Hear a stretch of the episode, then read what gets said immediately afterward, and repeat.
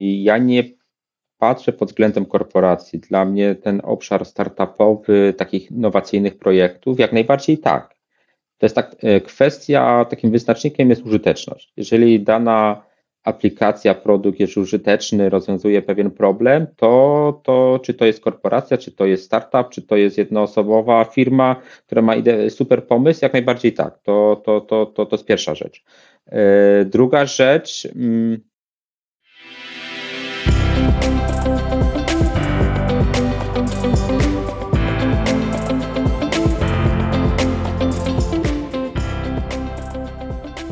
Cześć, witajcie w kolejnym odcinku podcastu Podróż po Web3. Naszym dzisiejszym gościem jest Marcin Żytecki po raz drugi. E, Marcin jest związany z Polish Blockchain Association, e, z e, Bitcoin Association, a także doradza w kilku startupach w zakresie technologii blockchain. Cześć Marcin, podobnie widzimy się pod koniec roku. Fajnie, że znalazłeś dla nas trochę czasu. Witam, cześć, cześć panowie i bardzo się cieszę, po raz, że jestem po raz drugi tutaj z wami. E, ponieważ nagrywamy to w przededniu końca roku praktycznie. Co tam dobrego się działo w mijającym roku? Powiem wam, że 2022 yy, to jest chyba jeden, jak, jeden z lepszych, jak nie najlepszy rok dla mnie, jeżeli chodzi o, o blockchain, o technologię, o tym, czym się zajmuję. Yy, Ciężko mi znaleźć negatywy, raczej bym szukał pozytywów, same pozytywy.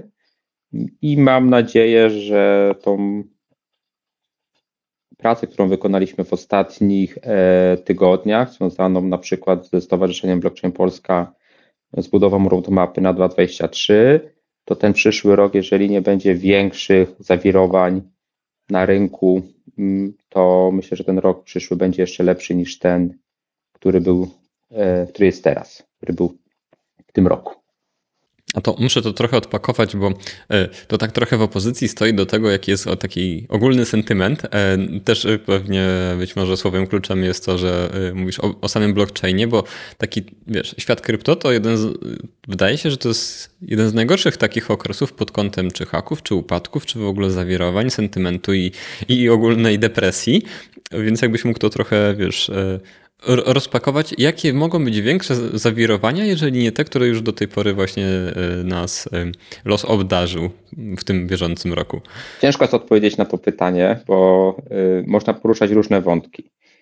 Te dotyczące krypto, te dotyczące, czyli wszystko, co w koło jest w koło krypto, regulacje, mm, jeszcze gorsza sytuacja na rynku niż jest obecnie, ale też na przykład, nie wiem, kryzys gospodarczy, który sprawi, że w ogóle nastawienie i chęć ryzyka albo inwestowania w nowe rzeczy, nowe technologie jak blockchain, nie wiem, IoT czy jeszcze jakieś inne technologie sprawi, że mm, nie będzie pieniędzy na to, nie będzie na to chęci i, i, i nieważne co się zrobi, jeżeli chodzi na przykład nie wiem, o, o to, co my robimy jako stowarzyszenie, to tak naprawdę nie będziemy mieli partnerów, nie będzie e, chęci inwestowania. Jeżeli ta koniunktura i to podejście takiego tradycyjnego rynku będzie pozytywne, to tak naprawdę e, chęć inwestowania e, w projekty blockchainowe przez większe organizacje, będą na to budżety i będzie na to chęć i podejmowanie ryzyka będzie większe. A powiedz Marcinie, bo ty jesteś piewcą, przynajmniej na Twitterze, e, wchodzimy czasami w takie dyskusje tego, że tak ja rozumiem przynajmniej, że masz takie stanowisko, że to nieważne, co się dzieje w tym krypto, blockchain ma się dobrze.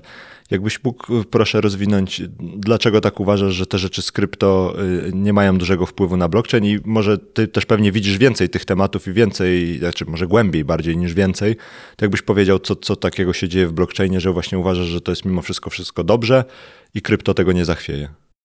Bardzo ważne jest, żeby zrozumieć, jaka jest różnica między blockchainem, a jaka jest różnica między blockchain, blockchainem a krypto. I wydaje mi się, że blockchain to jest technologia. Nie jest istotne, czy mamy e, Bessę, czy mamy Hossę. Tak naprawdę technologia sama się broni i tam, gdzie jest użyteczna i umożliwia zoptymalizowanie jakichś procesów, e, zaoszczędzenie jakichś pieniędzy w budżecie lub zoptymalizowanie poprzez eliminację czynnika ludzkiego, to nieważne, czy mamy HOCE, czy mamy BESE, zawsze będziemy e, dążyli do tego, żeby takie, e, żeby tą technologię wdrażać. I wydaje mi się, że Bessa, każdy tak mówi, ale też z autopsji wiem, że Bessa jest dobra dla dobrych projektów. Nie ma tego hype'u w koło, nie ma tych e, tysiąca wiadomości, bezsensownych projektów, tylko tak naprawdę na rynku zostają osoby, które widzą w tym potencjał, widzą w tym wartość i chcą budować ciekawe rzeczy.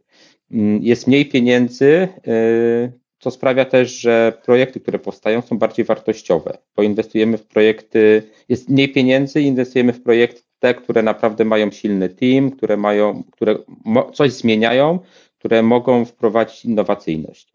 Więc z mego punktu widzenia, im BESA będzie dłużej trwała, tym lepiej dla rynku blockchaina, dla rynku krypto. Wiele osób powie, że to jest bez sensu, z tym się nie zgodzi. Jeżeli ktoś, nie wiem, patrzył inwestycyjnie, kupił na górce, no to w tym momencie oczywiście to jest złe, to jest tragedia. Natomiast z punktu widzenia technologii blockchainu i blockchain, technologii blockchain oraz tego, co teraz robią instytucje, duże mm, firmy, to wydaje mi się, że be, dłuższa BESA byłaby bardziej wartościowa, wyczyści osoby, które są przypadkowo na rynku. A nie myślisz, że trochę problem mimo wszystko jest z tym, że krypto przez to, że jest takie szalone, e, to ono jednak mimo wszystko mocno pcha rozwój samej technologii do przodu, no bo wszystkie te haki, wszystkie te e, padające projekty, no to jest jakaś nauczka dla ludzi, którzy chcą w tym obszarze budować, a sam blockchain taki cicho rozwijany w dużych firmach, no to on się będzie ślimaczył takim tempem, że za 10 lat jak usiądziemy, to zmieni się tam pewnie niewiele. Nie boisz się tego, że to strasznie spowolni? Nie, wydaje mi się, że nie. Y, pytanie teraz o wymień mi trzy takie wartościowe, globalne projekty krypto-blockchainowe, realizowane przez duże organizacje, ale wartościowe. Ja nie mówię, że ktoś zrobił w metaversie Mm, nie wiem, budynek postawił i teraz dwie, trzy osoby tygodniowo to odwiedzają. Ja mówię wartościowe projekty, gdzie mówimy o jakimś mass adoption, takim w cudzysłowie mass adoption, ale gdzie te zasięgi osób, które z tego używają, to mówimy setkach tysięcy mili e, lub milionach. Dajcie takie trzy projekty.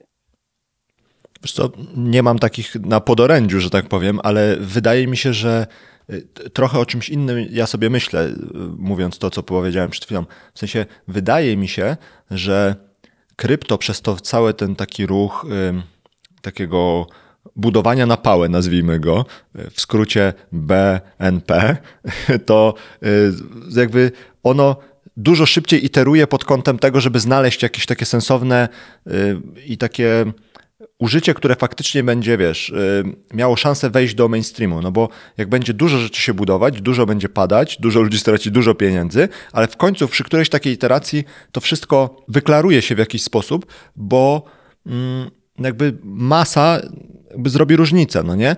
A projekty, które są robione albo inkubowane w jakichś dużych organizacjach, one są takie bardzo, mają dużą awersję do ryzyka, no nie?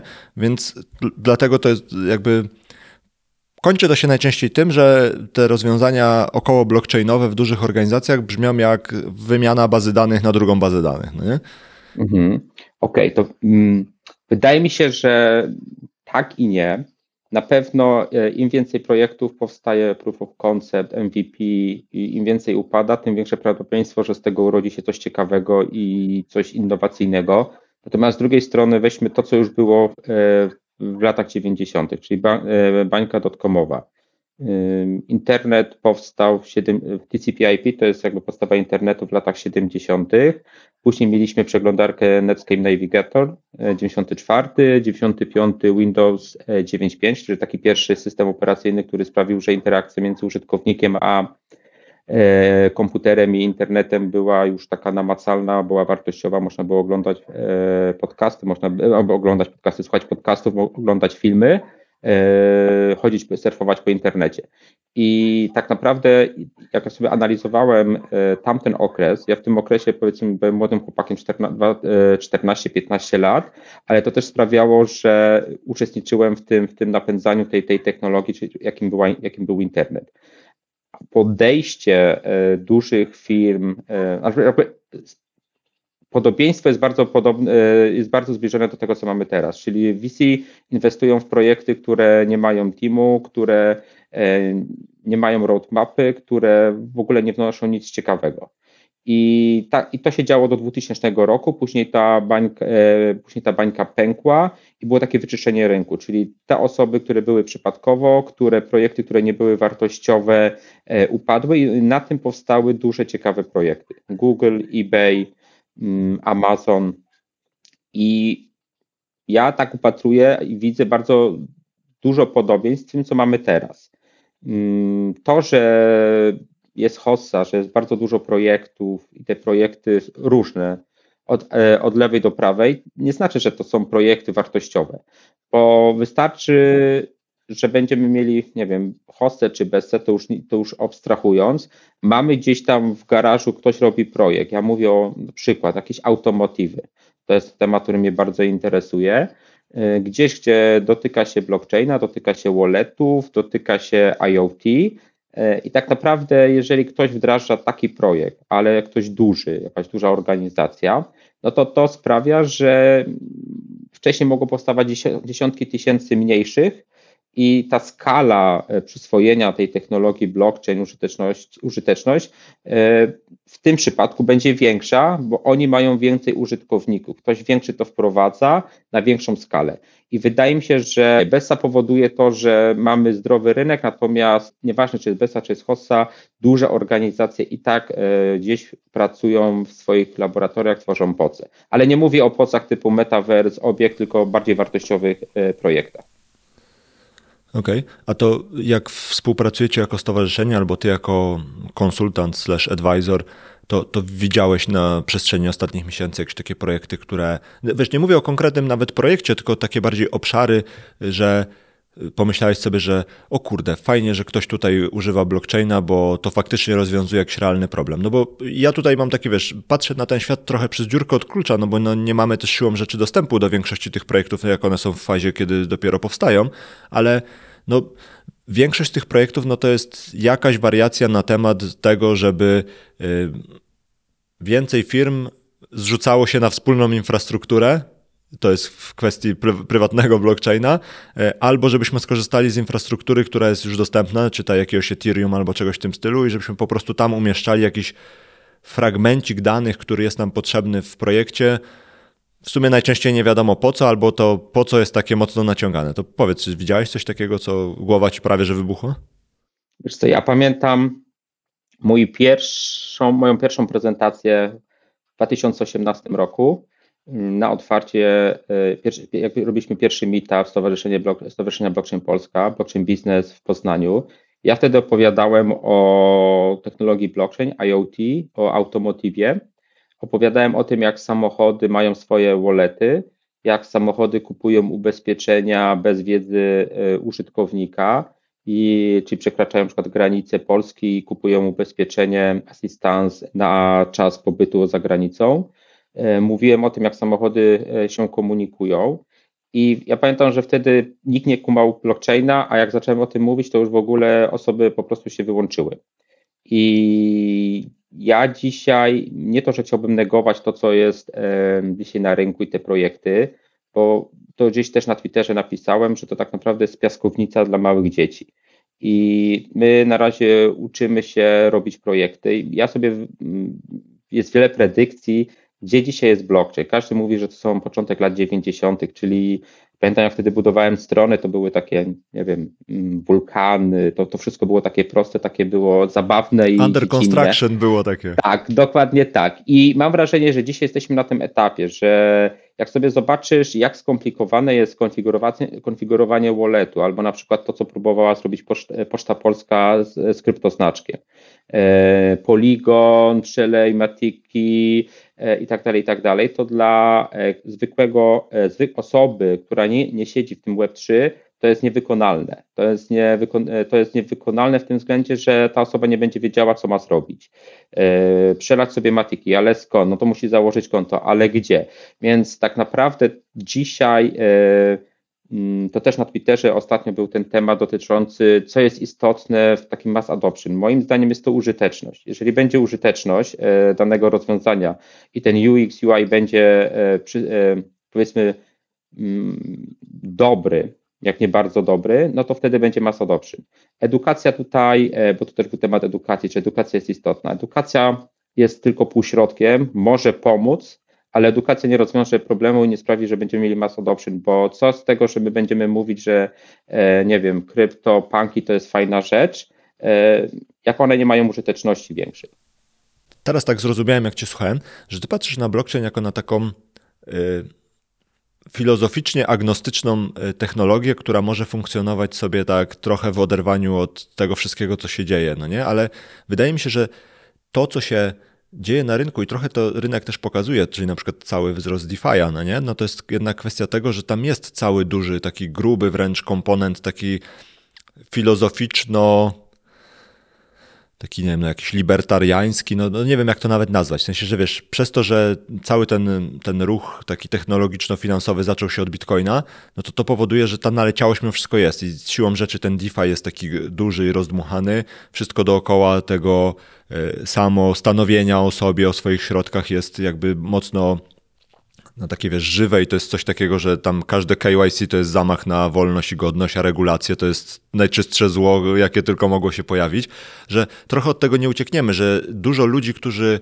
są mądrzy, którzy są bardzo tacy zdolni, w sensie mają możliwość tego, żeby stworzyć te dobre projekty, oni przez to, że mają, wy, wychodzą z tego korzenia takiego e, filozoficznego, nazwijmy to, no to oni nigdy nie pójdą pracować do, do banku czy do Poczty Polskiej nad tym, żeby zrobić projekt kryptoznaczka tak, żeby on był łatwy w użyciu, bo oni nie mają, wiesz, to jest trochę jak jak nie wiem, jak z ludźmi, którzy grali na komputerze i sobie, wiesz, hakowali komputery, żeby kartę graficzną podkręcić y, wodą z akwarium, a rybki przy okazji się im ugotowały, y, narzekają na tych, którzy na telefonach grają w jakieś tam Candy Crush, bo to nie jest prawdziwe granie, to jest y, dla dzieci i tak dalej.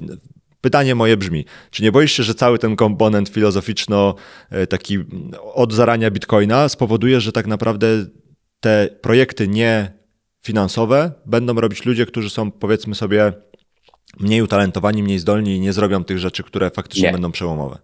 Odpowiem, na, powiem nie.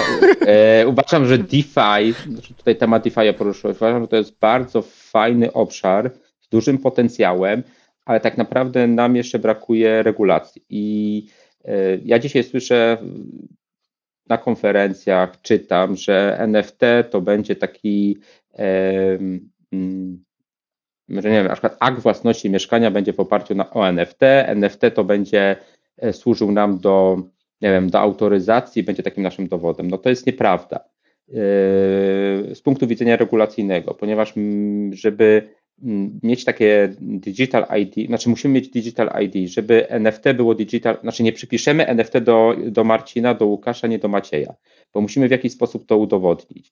Więc to jest ten temat SSI, Digital ID, więc wydaje mi się, że pierwsza rzecz to jest stworzenie takiego Digital ID, y, żebyśmy mieli tą pewność, że mamy jeden obieg ID w całym tym ekosystemie blockchainowym czy różnych blockchainach, wtedy umożliwi nam to realizowanie wielu rzeczy bardziej automatycznie, na przykład DeFi'a.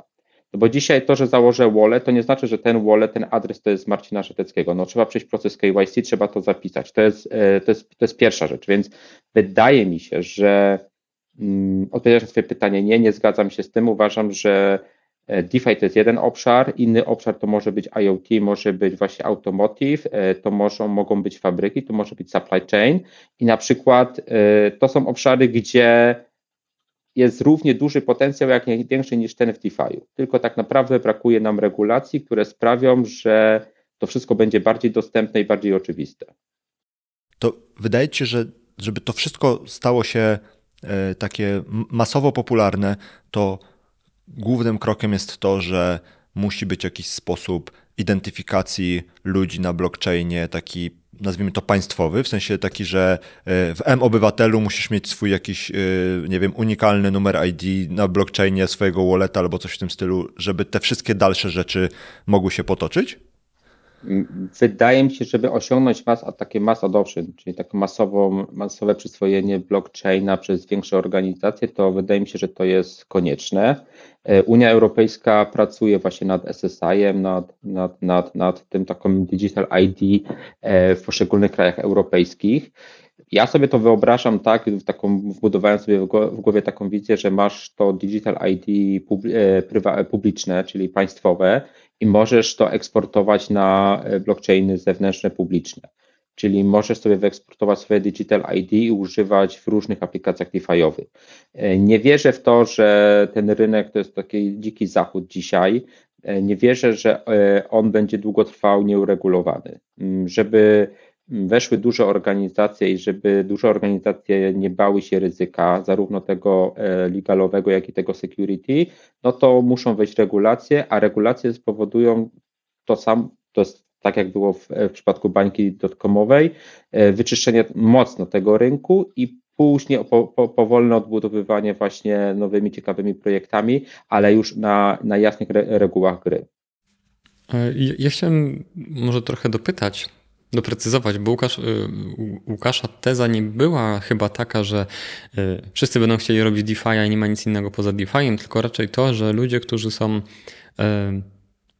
zainspirowani ideałami filozoficznymi, tymi de decentralizacją i, i, i tak dalej, tymi, który, o których wiemy, które przychodzą z, z, z, oryginalnie z Bitcoina i samostanowieniu i tak dalej, oni nie pójdą do innych sektorów nie dlatego, że tam nie ma nic do roboty, tylko dlatego, że się z tym nie zgadzają. O, to jest taka teza, że oni się nie zgodzą na to, żeby przykładać rękę do tego, do budowania regulacji i tak dalej, tak dalej. Bo filozoficznie się to tak, aczkolwiek no też nie, nie jakby się nie, nie, nie łudzę, no bo wiecie, no to jest tak, że w dużej, w swojej masie to są deweloperzy. Deweloperzy yy, no wiecie, to jest grupa, która dobrze zarabia.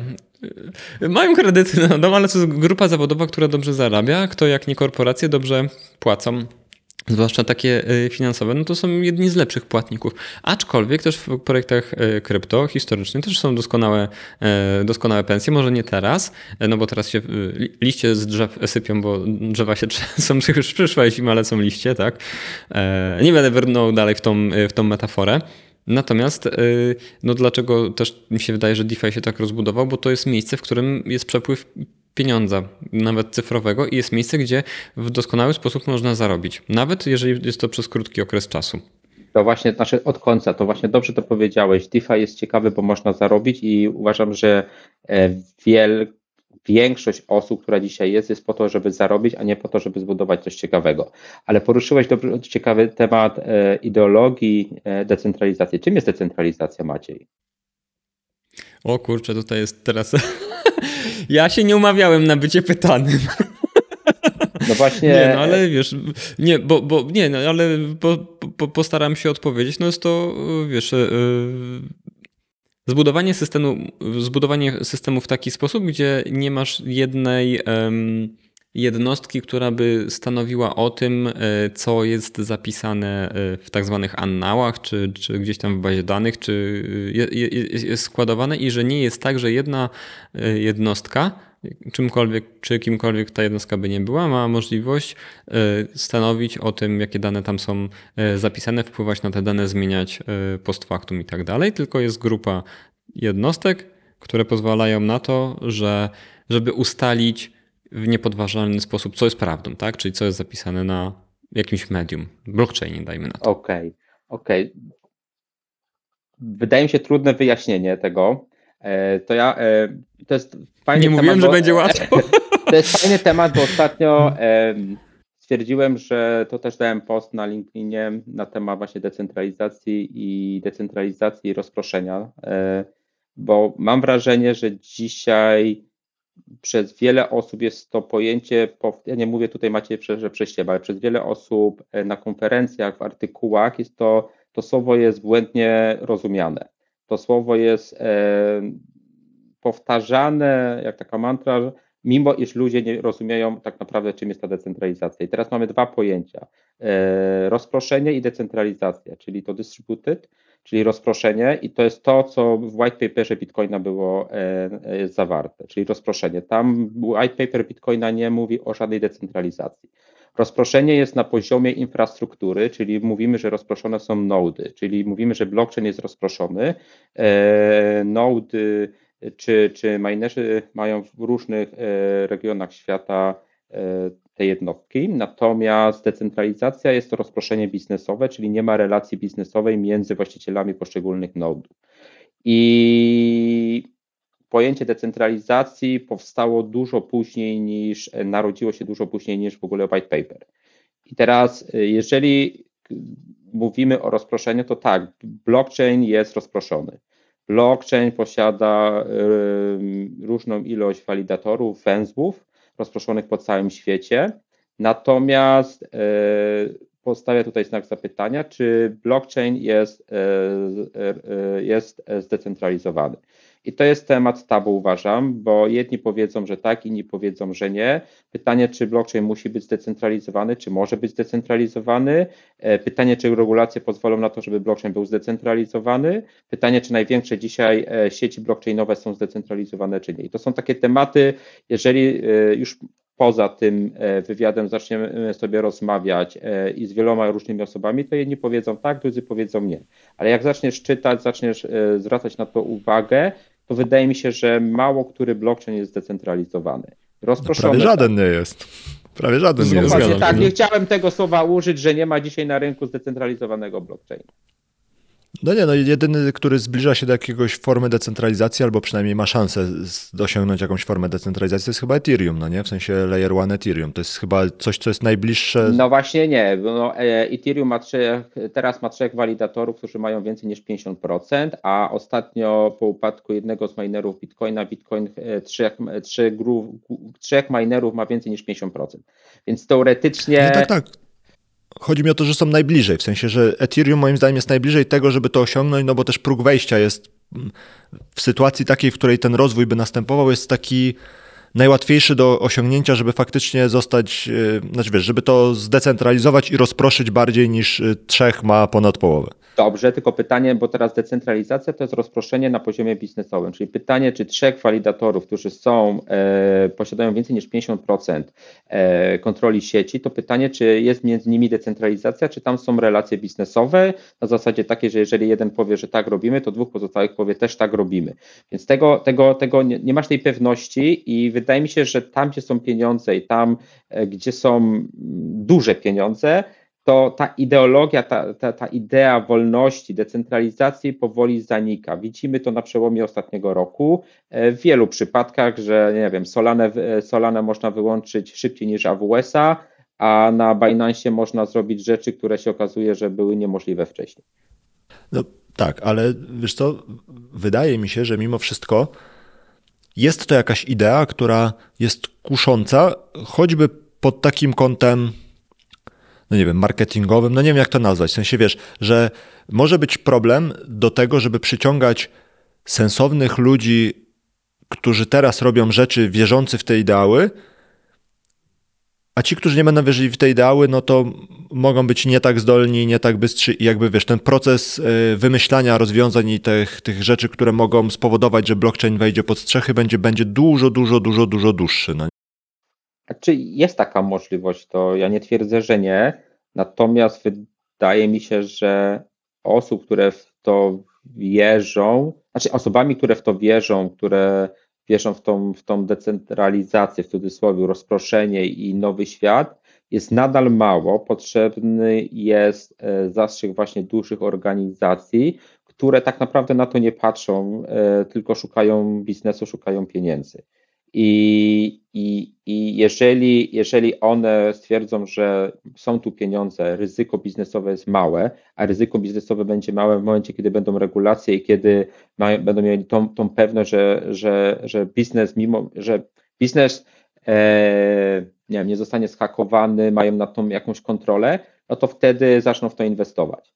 Inaczej tego nie będzie, więc e, pytanie, czy chcemy mm, robić to, co do tej pory bez regulacji, czy chcemy uregulować ten rynek. E, ja nie, nie wiem, jak uregulować, to nie wnikam, nie chciałbym zabić tej idei, tej, tej, tej, tej właśnie tego rozproszonego, tej decentralizacji, tego pojęcia decentralizacji. Nie chciałbym, żeby regulacje to zabiły, bo, e, bo później będziemy mieli to samo, co mamy teraz. Natomiast e, w rozmowach z dużymi firmami, dużymi korporacjami, do momentu, kiedy e, nie ma jasnych zasad gry, te duże korporacje mają obawy i nie chcą podejmować ryzyka, które teraz e, jest duże na rynku. A wiesz co, a jak rozmawia się właśnie z takimi dużymi organizacjami i one teraz mówią tak, na razie nie będziemy tego ruszać, bo nie wiadomo jak to zrobić od tej takiej strony legalowo-compliance'owej powiedzmy sobie, nie? A nie wydaje ci się, że jak ten etap będzie już z grubsza ogarnięty, albo będzie jakaś jurysdykcja, w której on jest z grubsza ogarnięty, to pojawi się taki problem, że oni powiedzą, no dobra, teraz droga wolna, możemy robić te blockchainy. I popatrzą na te projekty, które na tym dzikim zachodzie powstawały i ci wszyscy tam senior architekci i tak dalej popatrzą w te projekty i sobie pomyślą, kurde, ryzyko tego, że nam tu wyczyszczą wszystko, albo że będzie jakiś hak, albo że czegoś nie zabezpieczymy i to będzie wszystko stało gdzieś na jakimś publicznym blockchainie, bo zakładam, że mówimy o publicznym blockchainie tak, raczej, tak. jest tak duże, że na wszelki wypadek zostawmy to na naszym ażurze, tam nikt nie zajrzy, jesteśmy bezpieczniejsi. W sensie, wiesz, że to część taka, jeśli chodzi o bezpieczeństwo technologiczne, jest bardzo trudna do osiągnięcia, co pokazał ten rok jak żaden inny, no nie? W sensie, ile pieniędzy nam wypłynęło, a to też tych projektów nie robili ludzie, którzy, no, może nie wszystkich, ale część z tych projektów robił, robili ludzie, którzy są mądrzy, kumaci i pod kątem technologicznym zdolni na tyle, żeby je zrobić, a i tak nie udało się uniknąć wszystkich tych haków, no nie?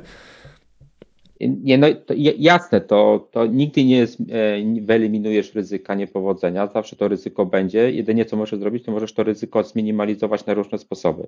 Jeżeli masz regulację, no to jeżeli weźmiemy mm, firmę telekomunikacyjną, ubezpieczeniową, finansową, jakiś automotive, który stwierdzi, robimy dzisiaj projekt na blockchainie, no to nie sądzę, że oni nagle, mm, nie wiem, zastąpią swoje systemy e, tradycyjne i wdrożą coś na blockchainie i, i, i będą to promować. Y, będzie to raczej w formie takiej ewolucji, czyli albo stworzymy coś nowego z boku jako nowa spółka pod naszym brandem, naszą marką, gdzie ryzyko, minimalizujemy ryzyko jakby na główny nasz biznes, zarówno ten, nie wiem, cenę akcji, jeżeli coś będzie hak, no to cena akcji, nie wiem, tej firmy głównej nie spadną, tylko to, to był jakiś proof of concept i jakaś e, spółka z boku. Raczej w tym kierunku bym tego upatrywał.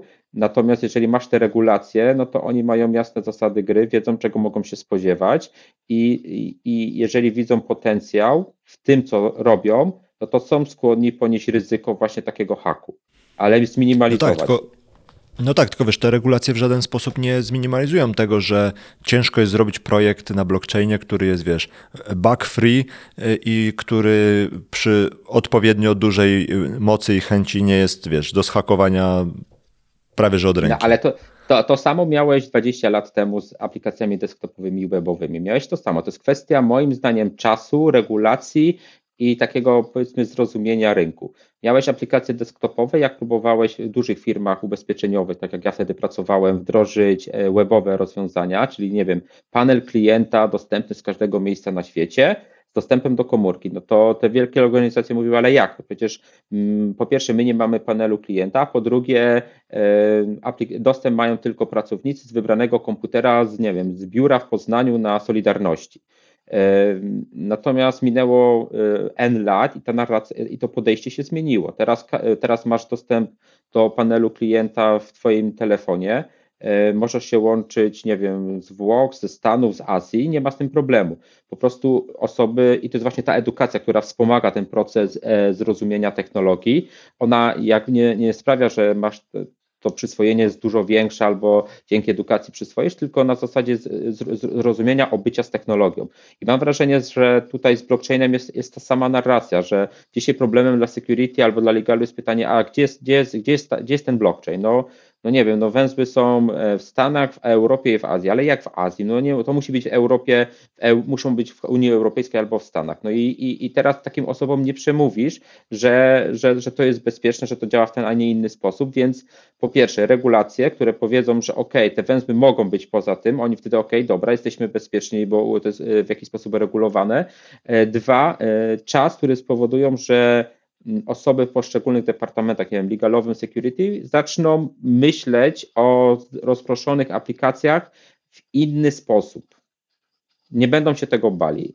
A to powiedz, jak myślisz, bo zakładam, że raczej nie wiesz tego, tak w sensie nie brałeś udziału przy tych rozmowach, ale jak myślisz, jaki jest proces myślowy, czy taki bardziej proces decyzyjny, który stoi za tym, że Starbucksy czy inne korporacje tego świata wchodzą na Poligona? No bo y, no nie jest wielką tajemnicą to, że Polygon no, jest popularnym i znanym blockchainem, no ale on te wszystkie takie kwestie jeśli chodzi o bezpieczeństwo samej sieci i, i, tego wszystkiego dookoła niej, no to to nie jest najlepiej prawdopodobnie zrobiony, albo przynajmniej nie jest najlepiej opisane, jak to jest zrobione, e, jeśli chodzi o poligon. Jak myślisz, dlaczego ryzyko. oni wybierają poligon?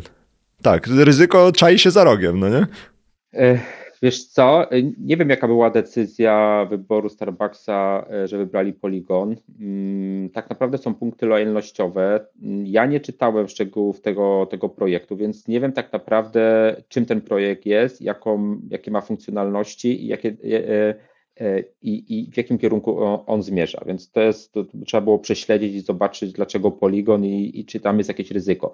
E, ja zawsze wychodzę z założenia, że technologię dobierasz na samym końcu. Pierw e, walidujesz projekt, czyli nie wiem, sprawdzasz te wymagania funkcjonalne, niefunkcjonalne twojego, twojego pomysłu i na końcu dobierasz technologię, która sprawi, że ryzyko biznesowe jest małe, że long termowo ten projekt, technologia to udźwignie, E, i nie zabije biznesu. Nie wiem, że nagle e, dzisiaj transakcje na, mm, na EVM-ach to są po 2 dolary, a jak będzie, e, będzie hossa, to będą po 200 dolarów i jak robisz 10 tysięcy transakcji dziennie, no to ogólnie twój model biznesowy upadnie, bo tego nie przewidziałeś. Więc tak naprawdę dobór technologii jest wtórny i on ma tylko posłużyć temu, żeby nie wiem, twój biznes był skalowalny i długoterminowo się spinał.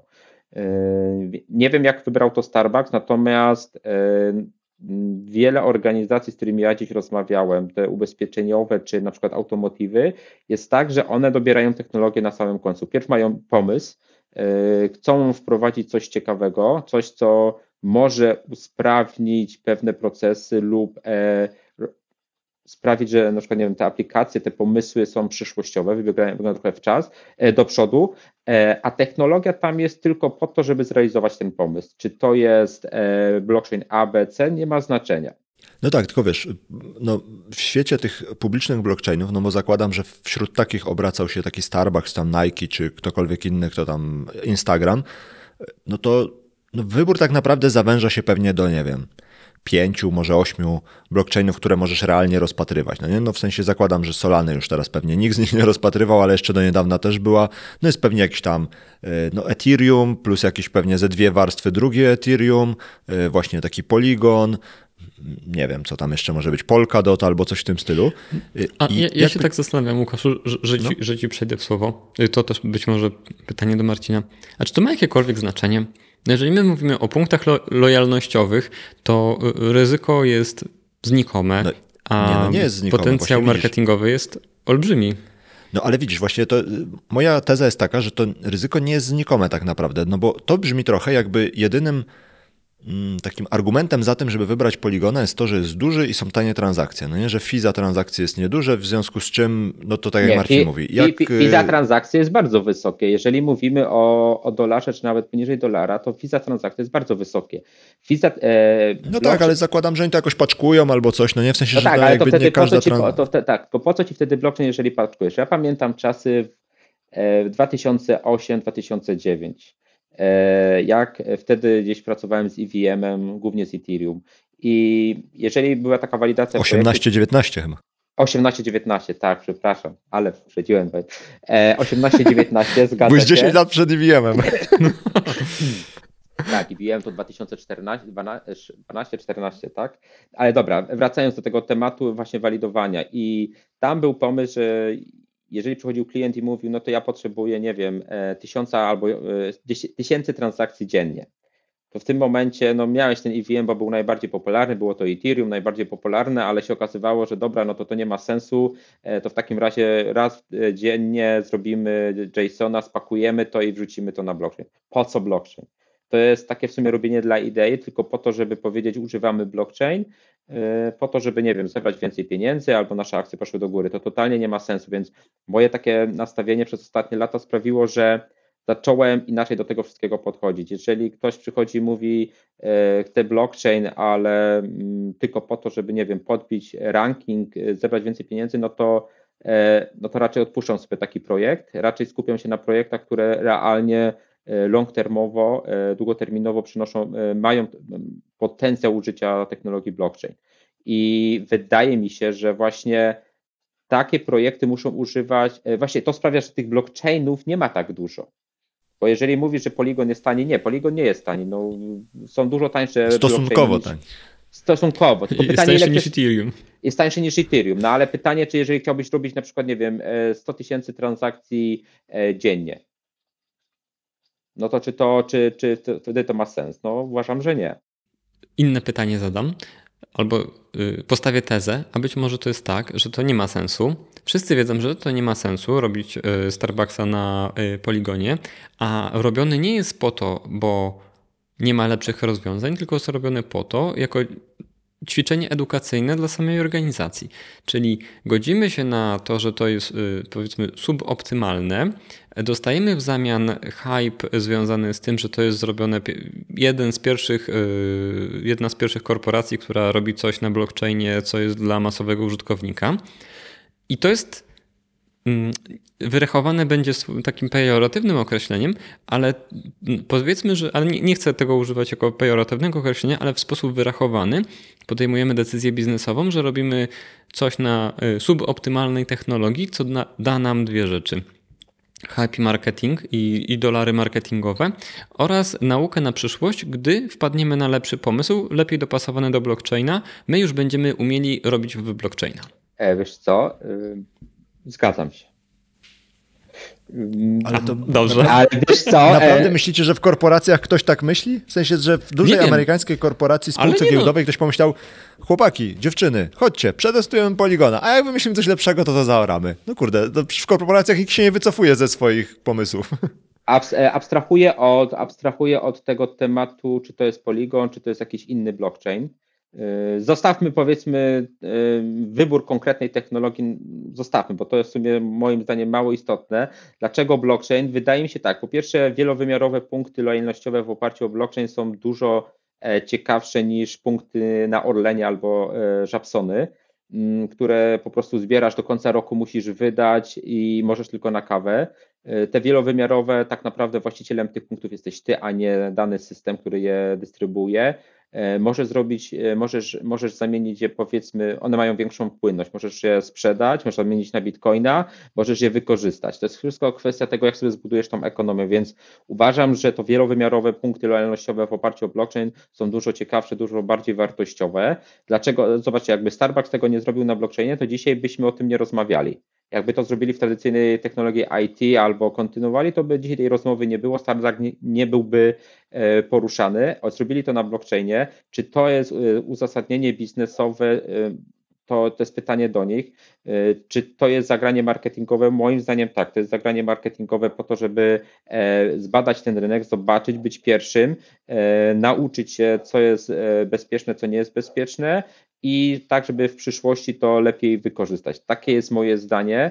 Mm, jest duża szansa, że im to wyjdzie i z tego się zrobi coś fajnego, a jest też, duża, jest też jakaś szansa, że no to się nie uda, to będzie taki proof of concept, no i, i za rok, dwa lata ten projekt upadnie. Na pewno po, tym naszej, po tej naszej rozmowie poczytam sobie więcej o tym projekcie. Ja nie czytałem, nie wiem, co to jest za projekt, bo tak naprawdę moim zdaniem bardzo istotne jest to, żeby wchodzić w detale danego projektu, bo mówi się, że nie wiem, Nike weszło w blockchain i zrobiło, e, coś tam zrobiło. No nie Kolekcja wiem, wypuściło 20. Dokładnie tak, no ale to tak naprawdę to jest, to jest nic. To jest tylko e, fajne marketingowe zagranie, mówi się o tym głośnie, ale kolekcja kilku dziesięciu kilkuset NFT-ków, e, rozdana to wszystko. Ryzyko biznesowe zerowe, marketingowe. No tak, breloczki super. mogli zrobić, no nie? Nikt by o tym Dokładnie nie mówił. Tak. Dokładnie tak, dokładnie tak. Ale jeżeli przyjdzie, nie wiem, Nike i powie, że używa supply, robi supply chain dla swoich produktów i nie wiem, e, sprawdza ich oryginalność za pomocą blockchaina publicznego i przy tym zbudowała jakąś ekonomię właśnie NFT-ków, że jeżeli, nie wiem, kupisz daną bluzę, wiesz, że ona jest oryginalna, dostajesz też jakiegoś NFT-ka, strzelam, teraz oczywiście coś buduje tutaj e, ad hoc, natomiast to wtedy wtedy jest coś więcej niż tylko wypuszczenie, e, nie wiem, 100 obrazków. A Marcinie, a jak ty analizujesz projekty albo przychodzą do ciebie projekty, no to mówiłeś, że tam technologię wybiera się na samym końcu. Jakie są tak ostatecznie blockchainy, które można rozpatrywać? No bo mówimy o tym, że ich jest raptem kilka. W sensie, to jak już wiesz, przechodzicie przez to wszystko i dochodzicie do etapu z takim projektem, któremu pomagasz, dochodzicie do etapu, ok, blockchain ma tutaj jakąś zasadność, no nie? Mniejszą lub większą, ale no to nie jest tak tylko, że y, przyklejamy sobie naklejkę blockchain, żeby zebrać więcej pieniędzy. To jakie realnie blockchainy można rozpatrywać jako takie na których da się w ogóle zrobić projekt. No bo no nie wierzę, że na tych niektórych tam niszowych layer 2 Ethereum da się w ogóle zrobić projekt, no bo tam połowa rzeczy to jest jeszcze na kikach podparte, no nie i na sznurkach. To, to co można realnie wybrać do projektu? To ja ci powiem, znaczy tak, bo teraz y, są jakby takie cztery główne punkty, dla których na końcu dobierasz technologię. Pierwsza to jest e, ilość transakcji na sekundę, dwa to jest koszt transakcji, trzy to jest ryzyko e, biznesowe które sprawia, że nie wiem, dany blockchain e, może upaść. Tak? Czyli nie wiem, taka Terra albo taka, taka Solana. No nikt nie spodziewał się, że Solana upadnie, chociaż e, ja nie byłem fanem, nie jestem fanem Solany. Uważam, że to był napompowany e, blockchain, który opierał się na AWS-ach e, i jest dużo, dużo lepszy rozwiązań. I czwarty e, czynnik, którym, którym wybierasz, to sprawdzasz, czy technologia, którą dobrała, dobrałeś, E, pokrywa jak najwięcej Twoich wymagań, tych funkcjonalnych, niefunkcjonalnych, czyli takich technicznych i biznesowych.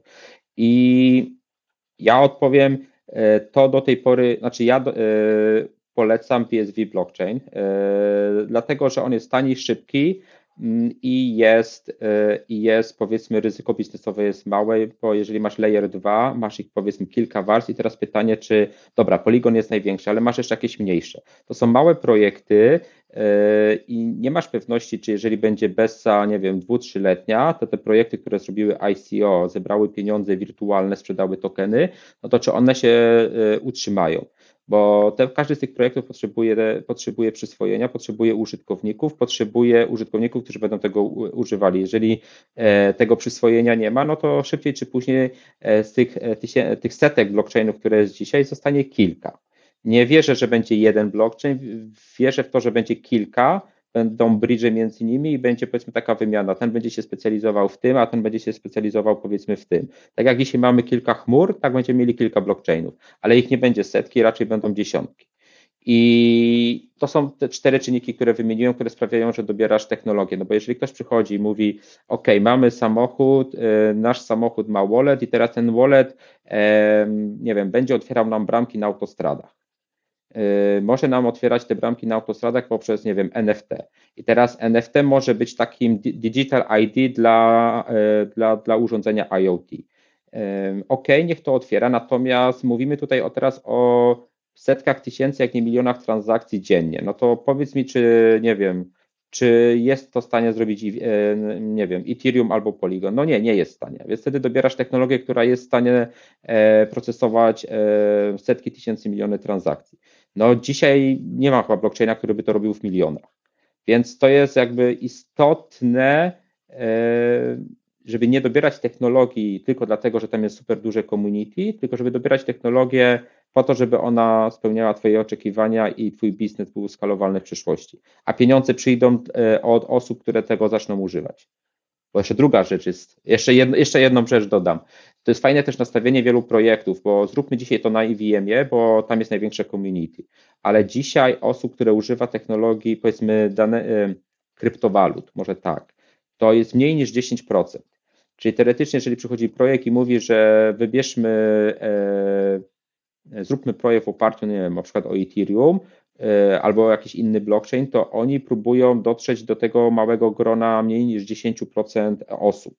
A tak naprawdę twoi klienci to jest to 90, nie wiem, 3, 94, 95 osób, które kryptowalut nie używa, ale które są poza tym systemem i teoretycznie tam się powinno ofertę kierować. E, a dzisiaj jest takie trochę błędne podejście, że każdy robi projekty dla krypto e, kryptoosób. No to jest moim zdaniem bardzo mały target, a te osoby głównie patrzą na pump and dump. Nie patrzą na, nie są lojalnymi użytkownikami. To jest moje zdanie. A to nie jest trochę tak, że y, to dwie kwestie zaadresuję. Nie jest trochę tak, że um, adresując ten projekt do tych 5%, 3%, 2% mhm. nawet, y, pozycjonujesz się na początku stawki, która przejdzie za 10 lat, no bo wiesz, zakładasz jakiś los, y, że wchodzisz w ten świat finansowy, no bo to w, w dużej większości poza NFT, które dobra, już nie będę w to wchodził, ale to jednak jest tak, że to jest bardzo blisko um, produktów finansowych, całego DeFi'a i, i, i tak dalej. Pozycjonujesz się na samym początku. Jak przyjdzie cała masa ludzi dalej, to ty jesteś już na początku, jesteś na tej fali wznoszącej i ty rośniesz, e, powiedzmy, z rynkiem rośniesz z adopcją. Albo, albo, albo, szybciej, albo szybciej upadniesz i nie zdążysz wskoczyć na tą falę. Jest taka szansa, ale zawsze możesz zacząć jeszcze raz bogatsze o te doświadczenia, nie? Jakby wiem o co ci chodzi, no bo to jest tak, że... Albo ktoś po tobie Maciej zrobił taki projekt i e, nauczył się na twoich błędach. To jest tak samo jak mieliśmy e, przed Facebookiem był e, spe, e, ten portal MySpace, no dokładnie. E, bardzo podobny model niż Facebook, tylko Facebookowi się udało, a jemu się nie udało. E, to samo mieliśmy nie wiem, był, e, była Alta Vista i, był, i na przykład był Google, tak? Wydaje mi się, że to nie jest czynnik to, że jesteś pierwszy, to na pewno ci się uda. Nie, to wydaje mi się, że jest wiele, czy, wiele czynników koło, które powodują, że się uda albo się nie uda.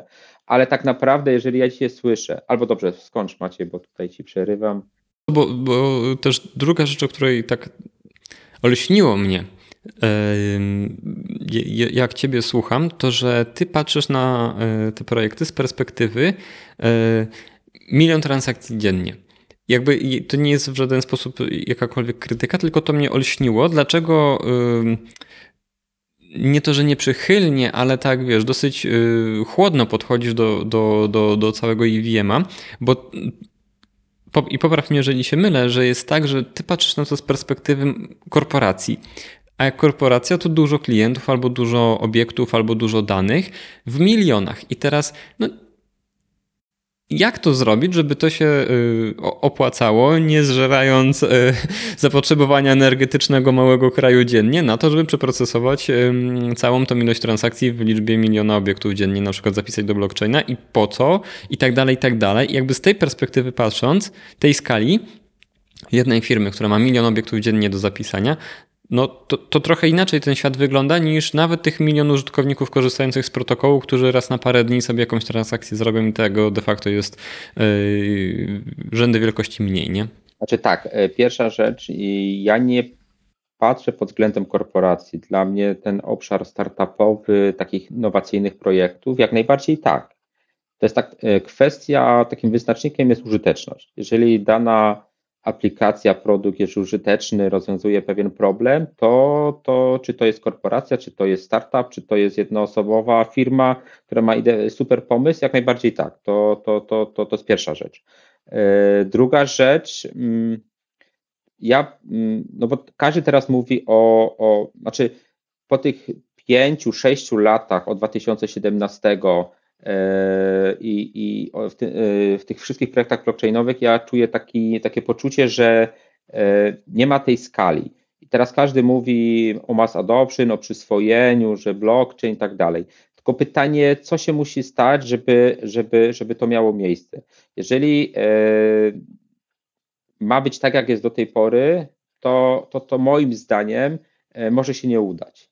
To, to się raczej w, mojej, w moim odczuciu to się nie uda. To znaczy cały czas będą powstawały mniejsze projekty, będą to używały takie osoby jak my, które są ciekawe, które napędzają tą technologię w jakiś sposób. To jest tak jak w latach 90. E, moi rodzice nie, nie rozumieli po co komputer, a później nie rozumieli, że na komputerze można zarabiać pieniądze, ale my to rozumieliśmy i powiedzmy działaliśmy, e, używaliśmy internetu, napędzaliśmy. Tak samo dzisiaj.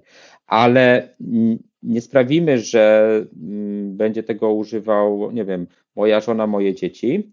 E, oni to będą robili, jeżeli będziemy mogli to zeskalować na miliony i to będzie użyteczne, będzie proste i będzie proste i użyteczne. Więc ja patrzę pod tym, pod tym względem. Ale zobacz, a może to, co teraz właśnie powiedziałeś, może to, że tak naprawdę twoje dzieci czy cudze dzieci nie korzystają z blockchaina w żadnych jakichś takich niszowych rozwiązaniach, to jest właśnie predyktor tego, że to nigdy nie będzie masowa technologia. Tak jak internet był, jak wchodził pod strzechy, był dla ludzi z uczelni powiedzmy, potem dla ludzi, tak, to był taki rozjazd, że najpierw było tam dla uczelni, wojskowości i tak dalej, jako jakieś takie zastosowanie, nazwijmy to korporacyjne, a z drugiej strony dla ludzi, którzy najczęściej byli młodzi, którym się chciało, dla tych wszystkich tam hakerów i tak dalej. A może z blockchainem właśnie jest ten problem, że dzieci grają w Fortnite, Minecrafty, tam nie ma nic wspólnego to z żadnymi blockchainami, że to tacy prawie starzy ludzie jak my, zajmują się tymi tematami i to siłą rzeczy nigdy nie zdąży wejść pod strzechy, bo my się zestarzejemy, tej technologii nam już się nie będzie chciało używać, e, a te dzieci powiedzą, no dobra, no bawili się starzy ludzie jakimiś, jakąś wolną bazą danych, trochę pieniędzy potracili na gamblingu i tak naprawdę to nieważne. Możemy z tą kartkę z historii wyrwać i już zapomnieć o niej. Znaczy, wiesz co, jest takie ryzyko, że to się nie uda, że to się nie zeskaluje. Ja nie, znaczy ja w to nie wierzę. Ja wierzę w to, że to się uda i i ten blockchain znajdzie swoje miejsce mm, i, i będzie taką drugą e, ewolucją tworzenia aplikacji komunikacji. E, przykład to internet w lat przed, przed 90 rokiem był scentralizowany i zamknięty. Później mieliśmy internet, można powiedzieć, otwarty, ale nadal scentralizowany, bo były te chmury obliczeniowe, są, tak?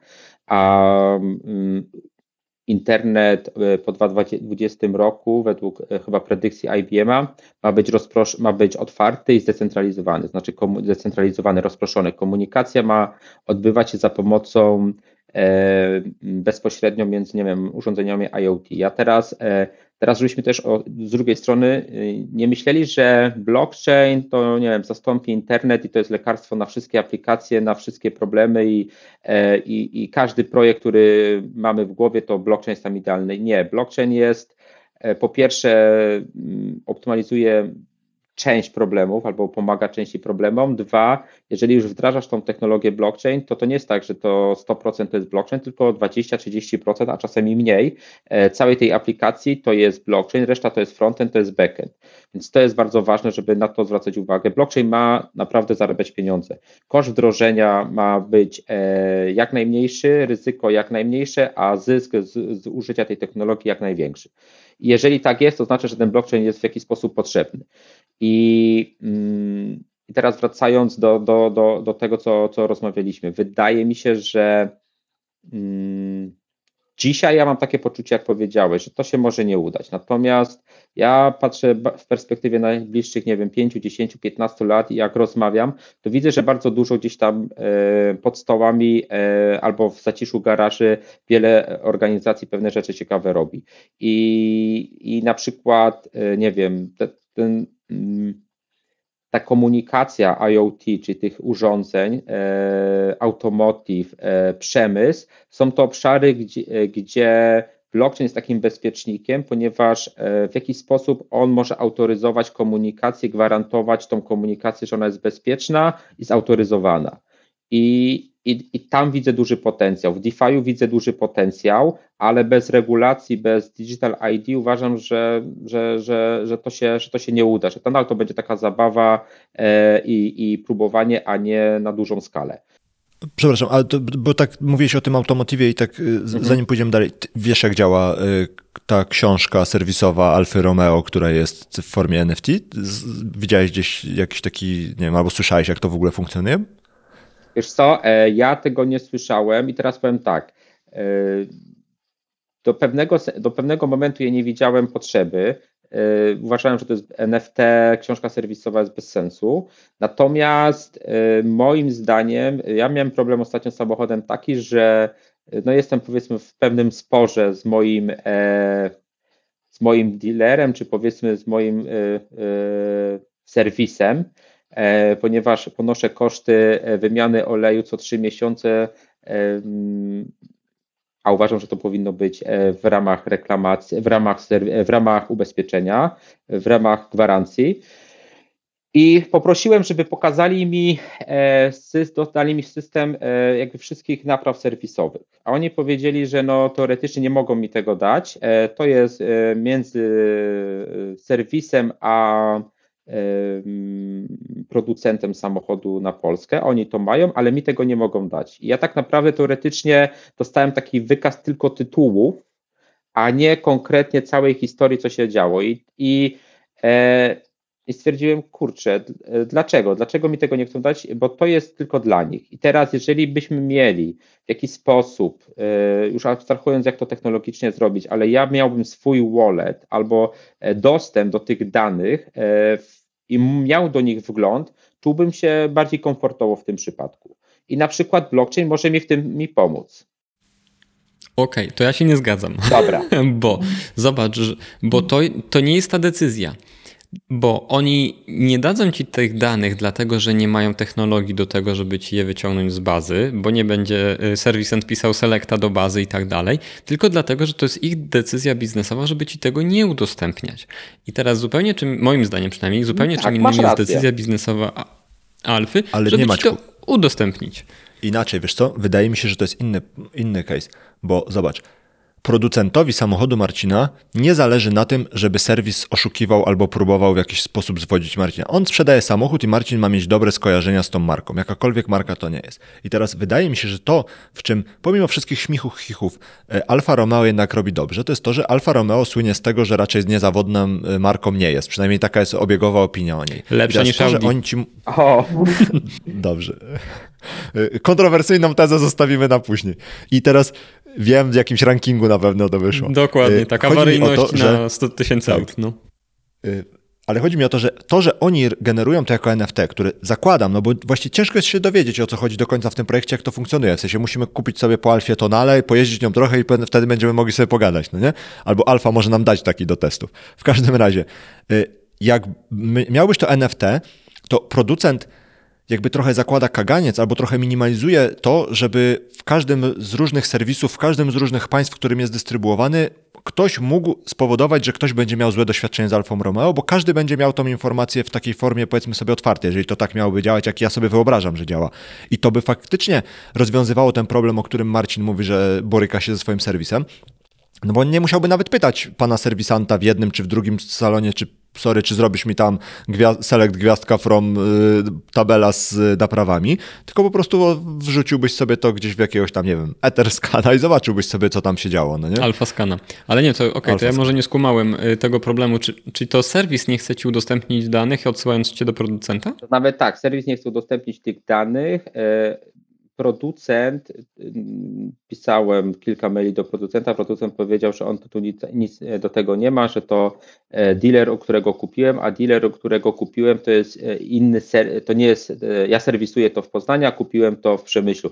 Więc teoretycznie też jest w leasingu, więc teoretycznie okazało się, że to nie jest ich problem, umywają ręce, mogę skarżyć, ale sprawa jest przegrana. Ale wracając jeszcze do tematu, dlaczego E, uważam, że na przykład e, blockchain miałby tutaj sens. Tak naprawdę timestamp, znaczy zgadzam się z Tobą, że to jest decyzja biznesowa.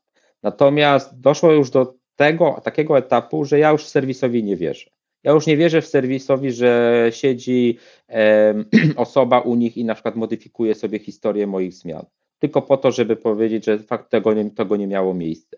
E, to jest bardzo, nie wiem, może to zabrzmi źle, ale ja po prostu im nie ufam. I teraz, jeżeli mielibyśmy zapisane e, każdą naprawę, każdy pobyt w serwisie e, i mielibyśmy ten timestamp i możliwość niezmienności tych danych, no to ja bym się czuł bezpiecznie, jeżeli miałbym dostęp do tych danych, bo wiem, że na przykład dwa lata temu, jak to serwisowałem, to faktycznie tak było. Teraz ja mm, dostałem wykaz, tylko faktura i, i bez jakichś szczegółowych opisów i teoretycznie ja to mogę wyciągnąć, ale jaką mam gwarancję, że właśnie tak jak tutaj Łukasz powiedział, ktoś nie siedzi, nie robi update'a na, na moim rekordzie w tej aplikacji. I, i i na przykład po to, ja tutaj widzę użyteczność, no bo jestem teraz w takiej skrajnej sytuacji, E, wiele osób powie, ale po co mi to? Tak, po co to? Natomiast mm, to może być jedna rzecz, ten NFT, to zapis danych, ale tak naprawdę ta cała historia samochodu, pewne rzeczy, które można w koło automotywu zbudować, to jest dużo więcej. Ja mówię mikropłatności, otwieranie bramek i tak dalej. To się może teraz wydawać abstrakcyjne, natomiast e, patrzmy z perspektywy tego, jak samochody się rozwijają, jak się komunikują, jak działa Tesla. E, jak, e, ile mamy urządzeń IoT. Teraz mamy wszędzie, mamy wagi, mamy zegarki, no, mamy wszędzie jakieś urządzenia, które się komunikują. I wydaje mi się, że przyszłość idzie w tym kierunku, czyli idzie w kierunku komunikacji właśnie małych urządzeń i usprawniania pewnych procesów. Po co ja mam podjeżdżać do bramki i płacić, e, e, nie wiem, otwierać e, ręcznie? Oczywiście może to zrobić automat, ale dlaczego ja mam pamiętać, czy nie wiem, opłaciłem autostradę, czy nie, jak skoro samochód przejeżdżając może to automatycznie zrobić? Wydaje mi się, że to znowu nie musi być blockchain. Bo, bo to znowu to jest decyzja biznesowa, administracyjna, mm, państwowa no nie do końca, i tak dalej, nie? Nie do końca. Jeżeli, jeżeli komunikują się urządzenia IoT, to powinny e, według e, teraz też regulacji. Regulacje mówią, że dane, które nie wiem, powstaną w wyniku transakcji powinny być niezmienne. To tak samo jak to zrobiło PKO. PKO wysyłało, e, zrobiło swój trwały nośnik, tylko teoretycznie po to, że regulacja była taka, że regulamin, który e, e, następuje, zmiana regulaminu w trakcie trwania umowy między klientem a bankiem, musi być wysłana na trwałym nośniku. Bank to wysyłał pocztą, wysyłał w formie płyty CD.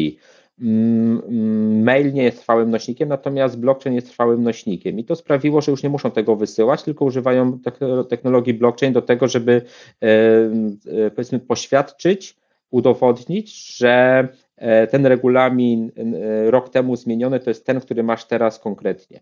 I tak samo dotyczy to urządzeń IoT i komunikacji. W większości przypadków to będą regulacje i wymogi, e, powiedzmy, regulacyjne, później będzie też bezpieczeństwo. Że jeżeli dwa urządzenia się ze sobą komunikują, to musisz mieć pewność, że nie ma osoby trzeciej albo jakby ryzyko modyfikacji wpływania na te dane jest małe. I wtedy ja widzę tutaj bardzo duży, duży potencjał. Tak samo mikropłatności i płacenie za autostrady dlaczego ja jeżdżąc w krajach Unii Europejskiej muszę się, musiałbym płacić, nie wiem, tutaj kupić winietkę, tutaj, e, tutaj nie wiem, e, płacić per przejazd, e, skoro samochody już dzisiaj mogłyby takie rzeczy robić, wykorzystywać do tego na przykład blockchain, bez konieczności budowania, uspójniania różnych systemów IT w różnych krajach Unii Europejskiej.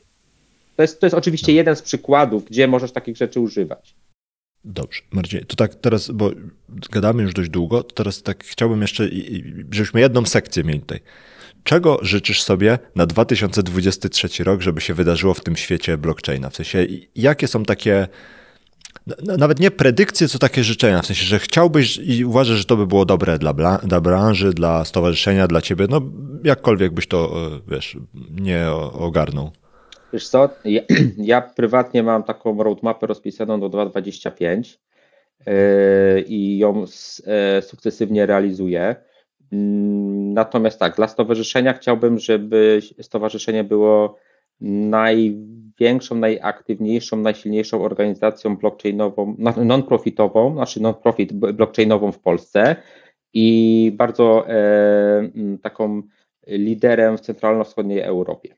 Mm, to tego sobie życzę. Nie uda się tego zorganizować w 2023. Mamy plan na to na kolejne 3 lata, do 2025 e, również rozpisany. Natomiast to bym chciał, żeby e, przyszły rok w Polsce był e, pokazał, że blockchain, Stowarzyszenie Blockchain Polska to jest ta organizacja, do której powinieneś przystąpić, jeżeli chciałbyś się zonboardować i wskoczyć w świat Web3. To po pierwsze. Dla mnie prywatnie, mm, to żeby przyszły rok był e, taki sam jak ten lub e, lepszy, mm, żeby nie było e, takiego negatywnego nastawienia do technologii blockchain i wycofania, bardziej pozytywne myślenie i, mm, i, i inwestycje w, w pomysły. No i chyba trzecia rzecz taka ogólna, no to chciałbym, żebyśmy, żeby ten, ten, ten przyszły rok dla sprawił, że większa było przyswojenie technologii blockchain wśród deweloperów, e, wśród e, różnych e, innych grup zawodowych, project managerów, product ownerów, ale też wśród, wśród biznesu. A widzisz jakieś jaskółki, które mają szansę spowodować, że faktycznie będzie większa, większe zainteresowanie wśród deweloperów, product ownerów i tak dalej? Mm, Wydaje mi się, że tak. Wydaje mi się, że tak. E, Wiele rzeczy dzieje się. To, to, jest, znaczy, bo mamy takie dw- dwa rodzaje jakby informacji. Te, które mamy w mediach e, i mamy te, które gdzieś się dzieją już poza mediami, czyli pewne organizacje pracują nad pewnymi pomysłami, chcą je realizować. Jeżeli pewne rzeczy wyjdą, no to się okaże, że no, nie wiem, duże organizacje wchodzą. Nie wiem, jeżeli przyjdą, wejdą regulacje, no to ta otwartość i dostępność e, na blockchain będzie jeszcze większa, więc wydaje mi się, że e, idą dobre czasy, e, mimo iż jest, nie wiem, Bessa i może trwać przyszły rok, to wydaje mi się, że idą najbliższe lata, to są dobre lata dla technologii. No dobrze, Marcinie. Dzięki wielkie za tą dyskusję. Y, Mam wrażenie, że tutaj o, przejechaliśmy przez dużą część takich tematów i jakichś różnych y, takich sporów y, naszych takich twitterowych wyjaśniliśmy też. Dzięki śliczne i co wszystkiego dobrego w nadchodzącym roku i, i do zobaczenia, bo pewnie będziemy mieli okazję gdzieś się kiedyś spotkać. Dzięki Podejrzewam, że nie raz. Do zobaczenia. Dzięki. wielkie. Tak jest. Dzięki, Marcin. Trzymaj się.